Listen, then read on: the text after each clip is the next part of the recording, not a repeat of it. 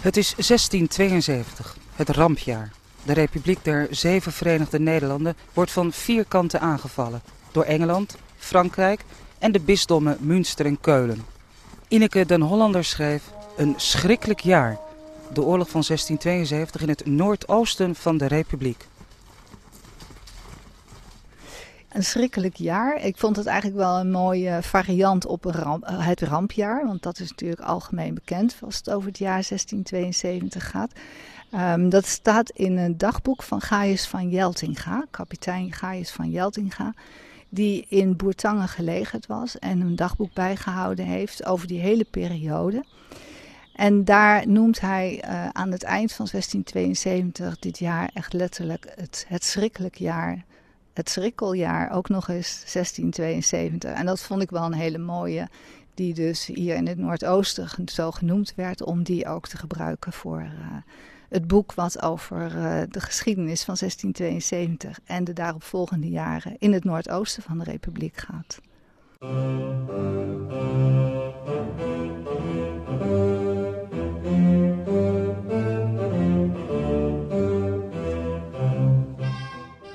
Samen met Ineke den Hollander bezoeken we in dit tweede deel van een radioserie en podcast voor Drenthe Toen het Koevoorde van vandaag.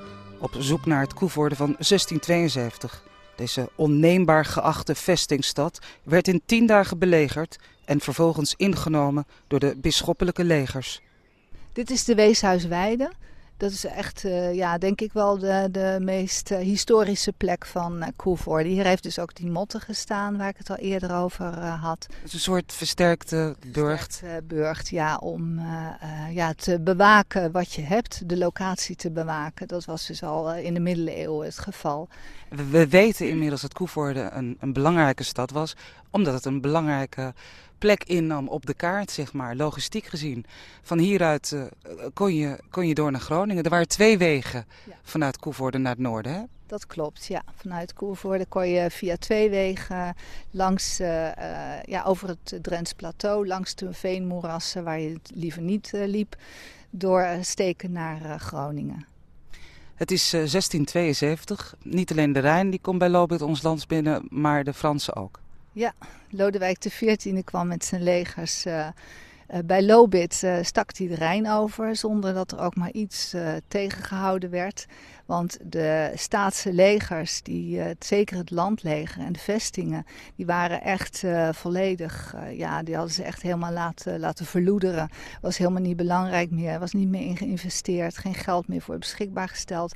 Want ze dachten, het wordt toch geen oorlog? Nee, er werd helemaal niet verwacht dat er nog oorlog was. Johan de Wit was aan het roer, de raadspensionaris. En uh, dat was een uh, diplomaat puur sang. Die dacht uh, iedereen wel te vriend te kunnen houden. En dat heeft hij ook heel lang gered. Alleen op een gegeven moment, ja, toen gingen de, de vrienden, tussen aanhalingstekens, die gingen achter zijn rug om een verdrag afsluiten. En dat heette het geheime verdrag van Dover. Super geheim gebleven, want ja, ze, Johan de Wit en niemand van het bestuur van de Republiek heeft dat aanzien komen. Dat zij. Was verraad. Dat ze met elkaar uh, een bond zouden sluiten. Ja, ik denk niet dat ze het zelf zo gezien hebben hoor. ze, ze sloten gewoon een verbond om, uh, om de Republiek eens eventjes ja, in te gaan pakken.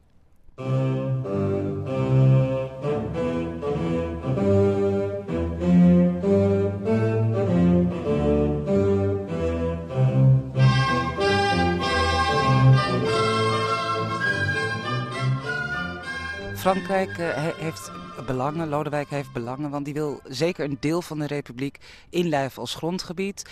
Um, maar we worden aan meerdere kanten aangevallen. Ja, de bisschop van Münster en Keulen die uh, spelen dus ook een rol in het geheel.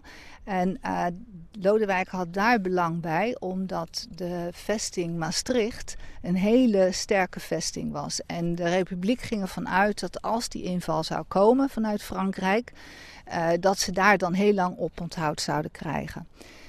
En dat betekende dus dat ze in die tussentijd, want toen waren ze inmiddels wel van doordrongen, begin van 1672, dat er echt wel gevaar dreigde. Dus toen zijn ze met man en macht aan de slag gegaan om uh, alle uh, verzwakte vestingen en, uh, en het afgezwakte leger, om dat allemaal weer op peil te brengen. dus toen, toen ze dat in de gaten kregen van ja, er, er dreigt gevaar, toen zijn ze dus heel snel de vestingsteden weer op, gaan, op peil gaan brengen. En ook het leger, de manschappen en het materieel. En uh, met dat idee van, nou, dat oponthoud bij Maastricht, dat geeft ons gelegenheid om daar inderdaad uh, uh, op dat pijl te brengen dat ook nodig is voor de verdediging. Maar de Lodewijk XIV had het heel slim aangepakt. Die heeft dus met de bisschop van Keulen afspraken gemaakt dat hij over, hun, over zijn grondgebied naar de republiek kon gaan. Dus er was helemaal geen sprake van uh, een, uh, een, een, aanval op Maastricht. Dus ze gingen gewoon simpelweg uh, door het bisdom Keulen. En vervolgens kwamen ze bij Lobit over de Rijn. En tegelijkertijd zijn ook de bisschoppen van Münster en Keulen Overijssel binnengevallen.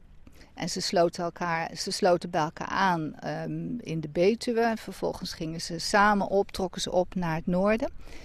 En daar kregen ze dus eh, de Overijsselse steden. Eerst uh, Deventer. Nou, die uh, deed nog een poging om zich te verdedigen. Maar ja, daar was toch ook wel sprake van een bestuur, een stadsbestuur, wat er allemaal niet zo heel veel tijd aan wilde besteden en geld. En de legerleiding was ook niet van het dapperste soort, zeg maar. Dus al heel snel werd Deventer overgegeven aan de Franse en de bisschoppelijke troepen. En daarna trokken ze door naar Zwolle. Ja, en in Zwolle eh, werd eigenlijk een soort van uh, um, overleg gepleegd vanuit het stadsbestuur Deventer met het stadsbestuur Zwolle. Dat ze eieren voor hun geld moesten kiezen en maar zo snel mogelijk de sleutels moesten overdragen. En dat hebben ze dus ook gedaan. Zonder dat er een schot gevallen was, was Zwolle al uh, gecapituleerd het heeft er natuurlijk ook heel veel mee te maken dat je niet wil dat je stad verwoest wordt. Zoals we vandaag de dag helaas ook zien. Ja, dat speelde wel mee, denk ik. Maar eigenlijk vooral um, speelde mee dat er volgens de verhalen uh, de burgemeesters omgekocht werden. Ja, dus die uh, hebben daar veel geld voor gekregen.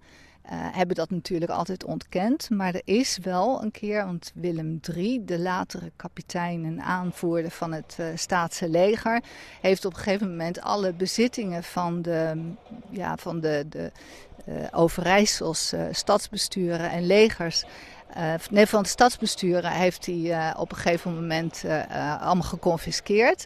En daar is van een van de burgemeesters een koffer gevonden met heel veel geld. Ja, ieder, iedereen is te koop, ja. zeg maar. We hebben uitzicht op het, uh, op het kasteel.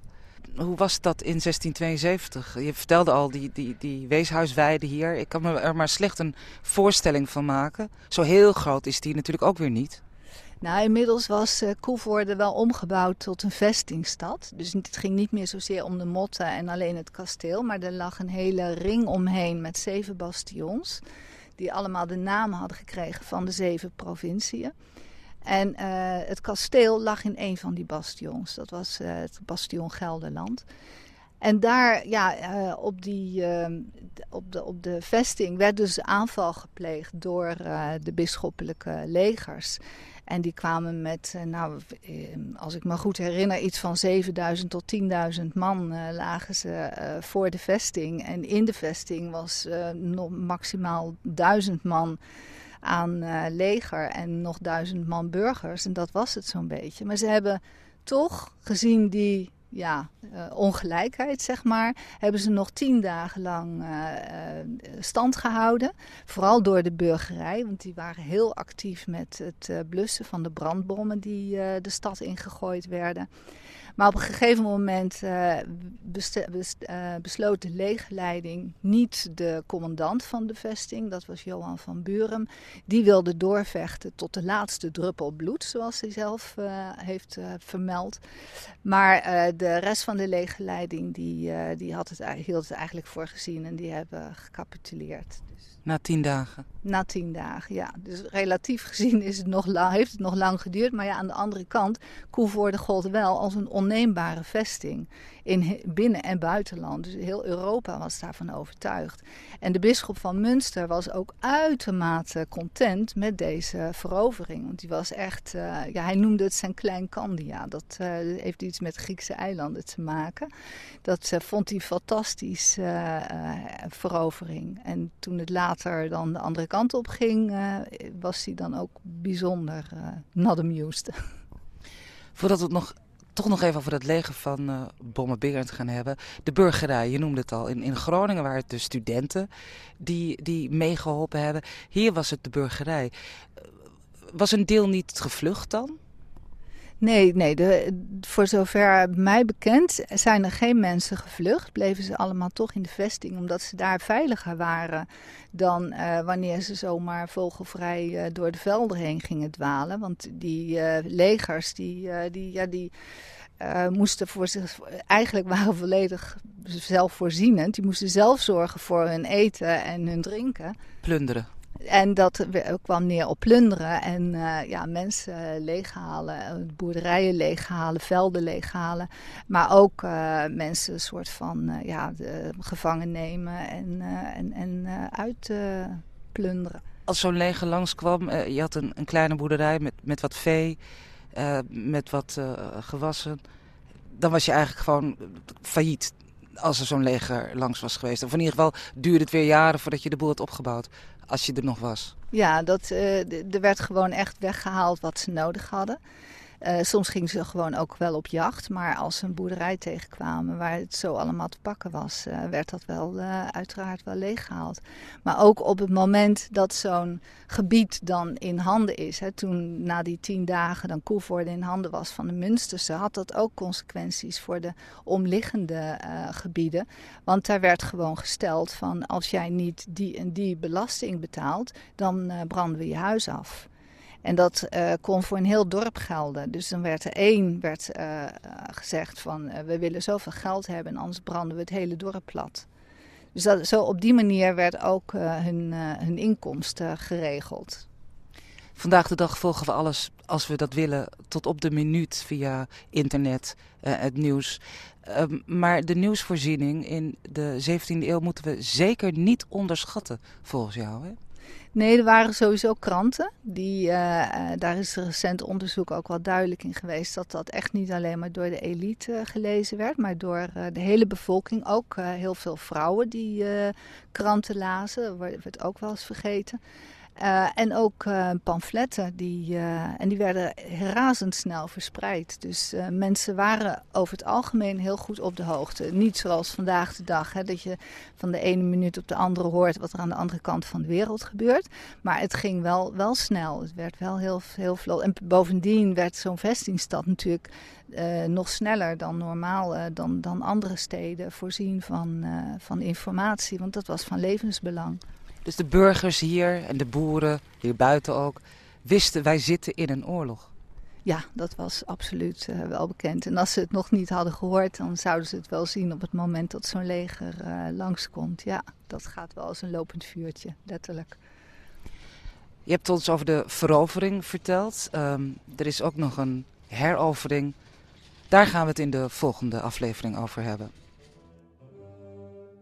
Je luisterde naar deel 2 van Een schrikkelijk jaar, het rampjaar 1672 in Koevoorde. In deel 3 en slot wordt Koevoorde terugveroverd op de bisschop. Je kunt deze podcast terugluisteren via de website van RTV Drenthe of de diverse podcast-apps.